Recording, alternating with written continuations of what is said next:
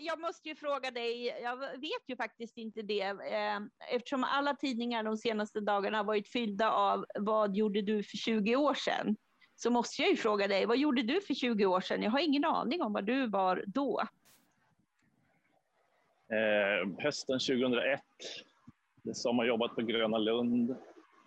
Och sen så flyttade jag in med två kompisar, ett kollektiv i Fridhemsplan. Eh, jag minns att jag var en vän som ringde mig och sa bara sätt på tvn, sätt på tvn. Eh, typ de bombar i USA eller något sånt där som lät bara helt osannolikt.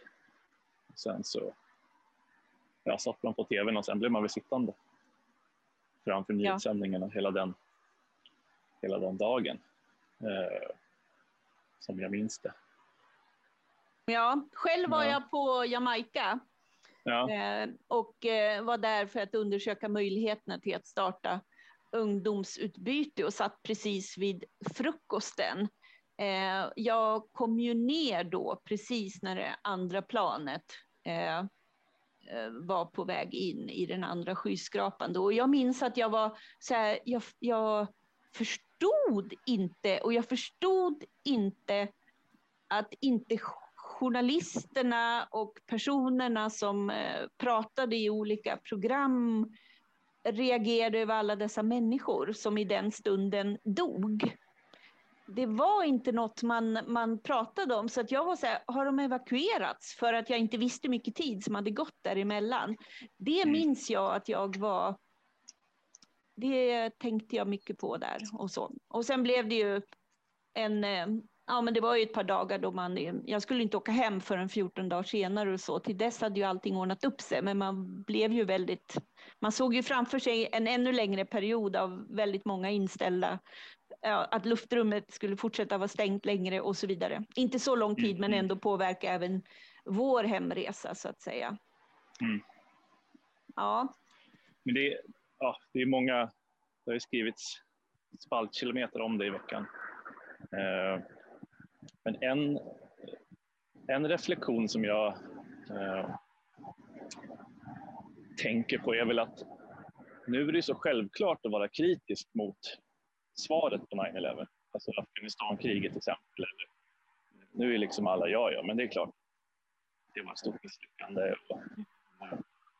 Att det är verkligen som att opinionsvinden har svängt vad gäller, eh, vad gäller det, men så var det ju verkligen inte den, den hösten det, alltså det slogs ju på krigstrummorna, även som jag minns det i svensk politisk debatt. Att mm. självklart ska USA svara, självklart ska man bomba tillbaka till stenåldern. Eh, vad man nu kan hitta och liksom hela ja, men det krig mot terrorismen som ändå har liksom definierat de här 20 åren mm. sedan dess. Mm. Uh, idag framstår det som självklart att alla var så oerhört kritiska. Men mm. det är, inte, det, är, det är inte den bilden jag minns från den, från den hösten. Nej. Eh, jag såg på den här, det finns flera fina dokumentärer, men det är en som BBC och eh, Apple TV har gjort tror jag om eh, Inside the War Room eller något sånt där, Inside eh, Bush kabinetten det första dygnet efter attackerna. Och det som slog mig när jag såg den igår, det är ju hur eh, hur mycket som inte funkar i USA i det här läget. Hur ja, Bush sitter där på en lågstadieskola och lyssnar på barn som, mm. som läser och det kommer fram en medarbetare och viskar i hans öron liksom America's under attack, andra plan har träffat. Och han sitter kvar och i intervjun så argumenterar han att det är ju för att inte agera i panik. Att han ska utstråla lugn inför nationen ungefär. Men det rimliga är ju att resa sig upp och gå säga jag fick ett ett viktigt samtal här eller någonting. Han sitter ju där i, jag vet, 10 minuter, 20 minuter. Ja. Och lyssnar på en högläsning i klassen innan han går ut. Ja. Mm. Eh, Verkligen. Mycket sånt, ja.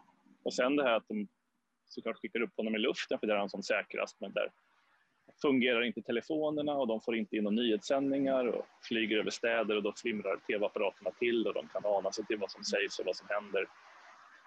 Eh, och Bush vill hela tiden tillbaka till Washington och Secret Service vägrar honom det eh, av, av säkerhetsskäl. De hamnar i en sån liksom, debatt. Det är en oerhörd brist på information om, om vad som har hänt och som ju många vittnar om, de här ryktena som kommer hela tiden. Att Air Force One är ett hot i nästa hot. För att någon liksom uppger ordet angel som till och med kodordet för Air Force One. Alltså all den här desinformationen som bara väller in om att utrikesdepartementet skulle ha liksom angripits med en bomb. Och, eh, som det blir i de här situationerna. All information som någonstans inte är verifierad som ändå når hela vägen upp är ju fascinerande. Mm. Mm. Och sen en sån här mänsklig grej att de tar sig in i den här bunkern under Vita huset men de är för många där så syret tar slut. Så man ser på de här arkivbilderna hur folk blir trötta och gäspar. alltså, tills de inser det, liksom. men hälften måste bara ut härifrån. Det är för lite syre här inne. En bunker som liksom inte var byggd, inte uppdaterad med teknologi eller liknande heller för att hantera en sån här situation. Ja. ja men den var, nej, det var intressant att se, även om den inte... Det finns ju en annan Netflix-dokumentär som är mer är om, i fem delar om kriget mot terrorismen och de följande krigen sen. Den här var på ett sätt spännande att den bara fokuserade på eh, Bush och hans ministrars tankar den dagen. Mm. Jag har inte hunnit se någon av dem, men det känns ju som att just de här som kanske tar hela 20-årsperspektivet, eh, också terrorismens utveckling och så vidare, eh, att man vill titta på dem. Men eh, det jag har hunnit se, är, det går, finns på SVT, en dokumentärserie i två avsnitt. Jag har bara sett den första, men det, det, är någonting i den som är intressant och det är att de har intervjuat sju av de barn av de totalt 150 tror jag det var som eh, ju eh, papporna dog eh, och mammorna var gravida den här dagen. Mm. Eh, och det är ju, det är ju allt ifrån någon som råkade vara och tapetsera i World Trade Center, hade aldrig varit där tidigare, skulle ha varit ur kontoret klockan nio på morgonen och råkar då befinna sig precis där när det här händer. Eh, mm. Till eh, Eh, brandmän och även någon, några från, två från Pentagon och så. Men det, det intressanta där är ju att de eh, har ju då eh, eh burit med sig Eh, Eh, på något sätt hela det här 20-årsperspektivet av utvecklingen och landar i just där det är en, en ung svart man då som eh, refererar till att vi har det ju bra, men jag förstår ju att när människor tittar på oss utifrån, han refererar till vi som USA då, så ser man ju att det är mycket som inte fungerar på insidan och jag förstår det. Eh, och, och, han är ändå väldigt hoppfull och vill peka på att eh, det kommer bli bra.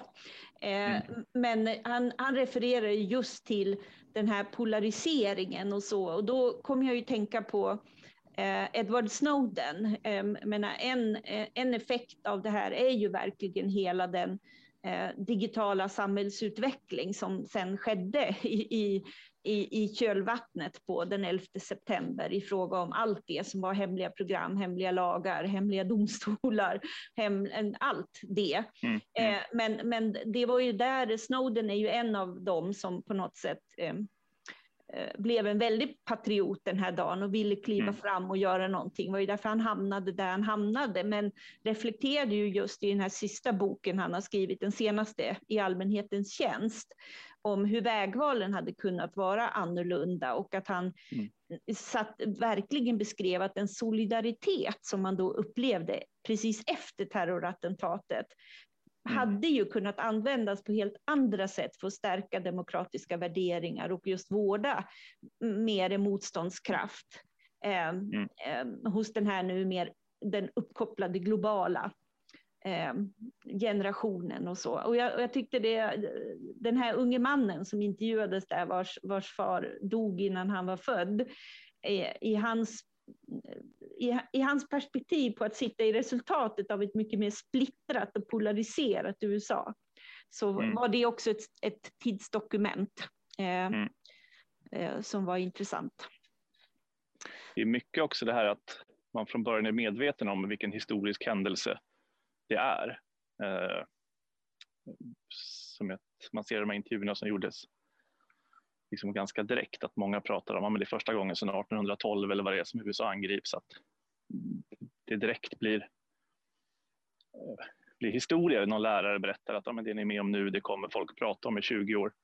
Jag tänker just det där eh, det blir för nära i tid att ta upp det alltså timmar efter att det har hänt. Ja. Att prata om det som historia, det är någonting i det som är väldigt, ja, som, eh, som man reagerar på när man ser efterhand och vet, det är klart det är historia, men är det Ja, eh, sen, sen är det mycket det att aldrig liksom inte glömma. Ja. Som många pratar om. Det här får, ja. vi, aldrig, får vi aldrig glömma. Men man, det är ju detaljer som försvinner. Till exempel det här planet som där passagerarna övermannar kaparna. Tror man väl så att det kraschade. Mm. Det är ju en helt alltså, otrolig hjälteinsats. Eh, ja. ja. som jag faktiskt hade, hade glömt bort. Det, det planet som ändå togs ner av passagerarna själva. Mm. Men den, fin den har du väl till och med gjort spelfilm Ja, ja, ja. böcker, ja, precis. Ja, ja. Jo. Men det var liksom, ja. slog. Ja. Ja, men det var väldigt, ändå, det är ju precis att på, på minnesnoten så är det också på eh, museet, om det nu kallas museum, minnescentrumet som finns där idag, så är det ju otroligt starkt att sitta i det rummet där just allas namn eh, mm. läses upp och alla deras bilder eh, framträder. Och, eh, det var ju igår också en del av ceremonin, att, att läsa upp alla de som omkom. Mm. Um, och det är ju också en del av det, men man vill verkligen rekommendera att titta på den här med eh, barnen då. Eh, mm. Något väldigt, eh, ja, eh, intressant och fint att se hur de eh, bär med sig eh, det här och på vilket sätt och vad de gör med det i, i relation till vissa vill förändra världen och andra bara att det gäller att bara fortsätta leva liksom och så mm. vidare. Hela mm. komplexiteten med andra ord. Mm. Ja, och veckans publiceringar i vårt lilla universum då? Ja, vi har eh, Rasmus Kahnberg skriver om akut vattenbrist i Nagorno-Karabach efter kriget.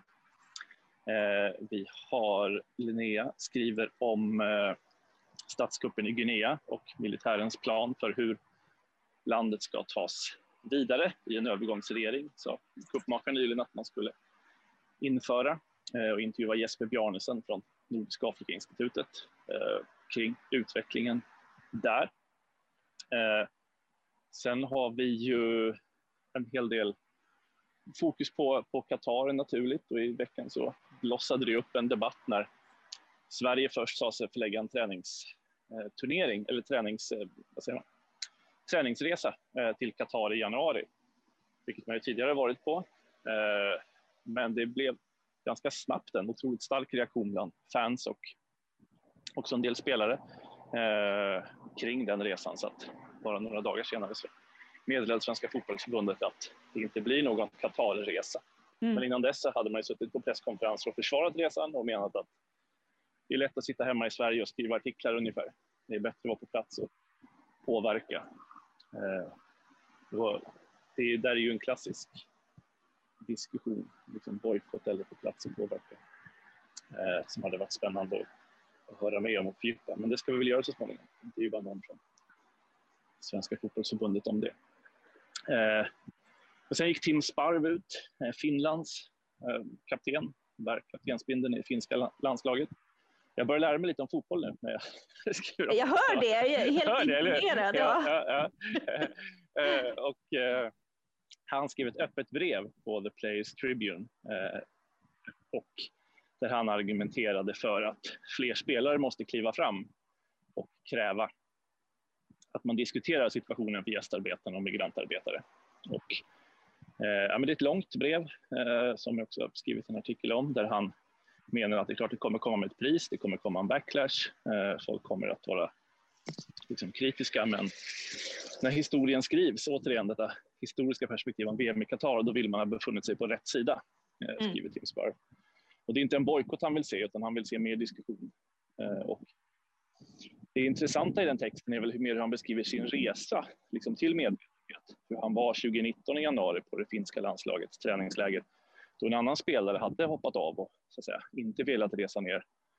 Och det får honom att ställa sig frågan, men herregud, han är ju en vettig snubbe, liksom. varför är inte han här? Det verkar ju konstigt. Fifa borde ju ha koll. Det är ju världens största fotbollsorganisation. De måste ha gjort ja. sin research. Att vi spelar VM i Qatar, det kan inte vara några konstigheter. och sen så genom samtal med migrantarbetare och spelarfack och andra kommer till insikt om att det är mycket här som, som, borde, som borde belysas. Eh, så den publiceringen har vi. Och, Ja, det är väldigt intressant och är ju ytterligare ett tecken på det som vi har pratat om länge, att det definitivt är så att eh, i frågan fick jag just, eh, i veckan fick jag just frågan om vad som är nästa nätaktivistiska rörelse. Men det som, mm. eh, och det kan ju uppstå var som helst, när som helst och så vidare. Men en, en, något som verkligen ligger och, och småbubblar och har gjort så en längre tid, det är ju definitivt eh, fotbollen där det har eh, funnits eh, eh olika reaktioner mot eh, sexismen, eh, mot näthatet, rasismen mm. och vi har ju sett reaktionerna mot idén om nya kupper tidigare i våras och så. Så att det, de digitala verktygen börjar synas ännu mer i i relation till fotbollen också. Och så var det ju intressant just att ändå ehm, i hans text där om att det är inte för sent. Liksom. Vi, Nej, vi han lyfter ju också göra. fram att spelarna har jätteplattformar. Ja. Alltså, det är liksom inte... Han skriver själv, medierna kommer ju skriva om vi går ut och säger någonting. Och han uppmanar ju fler än en okänd finsk fotbollsspelare att göra så. Ja, ja nej, verkligen. Eh, men i, i debatten så finns det ju en siffra som alltid återkommer och det är den här 6500. Mm. Eh, att det då skrivs att 6500 eh, personer ska ha dött när man har byggt arenorna. Och det, det stämmer ju inte. Och det har heller inte The Guardian påstått som ursprungligen kom med den siffran. Utan vad The Guardian gjorde var att man räknade de senaste tio åren hur många arbetare från Nepal, Indien, Sri Lanka, Pakistan och Bangladesh har dött i Qatar. Och då får man en siffra per land och så har räknat bort en del dödsfall eh, men behållit de som är ja, relevanta och kommer då fram till den siffran. Så dels kan den ju vara högre i relation till att det är fler länder som har gästarbetare i Qatar. Men det är också folk som jobbar med allt från A till Ö, från norr till söder i Qatar. Eh, mm. och det är väldigt få av dem alltså extremt få som, är, som går att koppla till ett, ett konkret arenabygge. Qatar själva menar att det finns 34 fall av arbetsplatsolyckor med dödlig utgång på några av liksom VM-projekten. Eh, men ja, menar då att de här 6500 är, blir en siffra som, ja, som är tagen i luften helt enkelt. Eh, så att, men det är intressant att se hur den liksom blir en sanning nu med Verkligen. Att skulle handla om arenorna. Och den har ju spridit sig otroligt. Till och med den eh, bara lite lätt fotbollsintresserade vet mm. eh, eh, de här siffrorna. Så det är intressant att se hur det har blivit en, en sanning. Jo, det är ju nästan en per, vet jag inte, det blir en per dag mer liksom. Det är ju det är oerhört mycket, det är oerhört många som dör i Qatar. Och mm. Det är något vi tittar på varför, men man måste också vara djävulens advokat när det gäller den här typen av, av, av siffror som, som lätt blir till, blir till sanningar. Mm. Mm. Ja. Så du har varit, pratat, eh, som du sa också, eh, nätaktivism i Expressens serie. Det finns ju en längre intervju också med dig och se där du utvecklar de tankarna kring ja, framtidens var, nätaktivism. Ja. De har ju ett, ett, eh, en, en, serie som heter Fem dagar om framtiden och i fredags handlade det om demokrati och eh, kulturkrigen och eh, nätaktivism och så. så det, och det är ju något av eh, ett av mina favoritämnen att, att liksom dissekera lite vad som är för och nackdelar med det och ansvaret för politiker att inte bara se det här som potentiella distributionsytor utan också att lära sig nytt om hur eh, engagemang skapas idag och sänka trösklar för att omvandla det till ett långsiktigt engagemang och så. Så att mm. jag skriver väl en text på Blankspot där jag lägger ut texten lite mer från den intervjun som är i Expressen om att ja, det är klart att nätaktivism, det är ju absolut ingenting nytt, det är bara att man har fått eh, ett par väldigt potenta verktyg för mobilisering och organisering. Men i grunden är det ju precis samma sak. Människor går samman och vill förändra något. Mm. Eh, och, och, det är vad man gör eh, på nätet. Och i, i, bästa fall kan det ju ha en förstärkande effekt bortom det som sker här och nu. Eller eh, även om man ger sig ut på gator och torg i mer traditionell form så kan ju nätet bli ett kitt mellan alla olika aktiviteter man gör.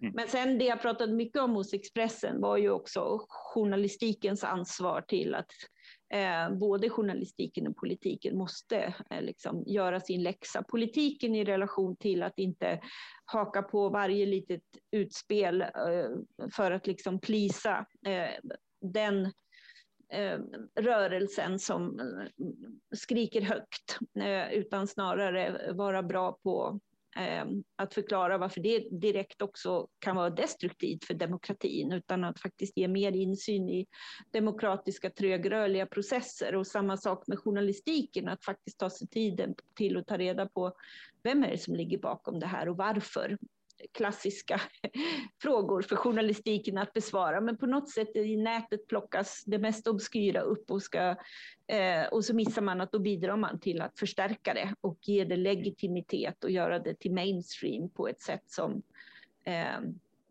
eh, eh borde förhindras genom att faktiskt ge mer information. För det är ju det man kan tillföra som inom journalistiken då. Det andra ser ju alla andra redan på nätet så att säga. Mm.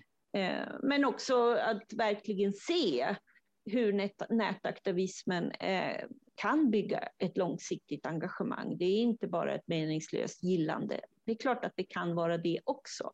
Men för många är ju det liksom ett första insteg till något som skulle kunna bli ett livslångt engagemang. Och så. så att det skriver jag om hos Blankspot. Mm. mm. Och eh, det var väl det vi hade den här veckan som är värt att highlighta här va? Ja, har ni inte hunnit läsa så in och läs nyhetsbrev ja. som finns i er inbox och på sajten. Ja, hörs nästa vecka. Ja, det gör vi. Tack och hej. hej. hej. hej.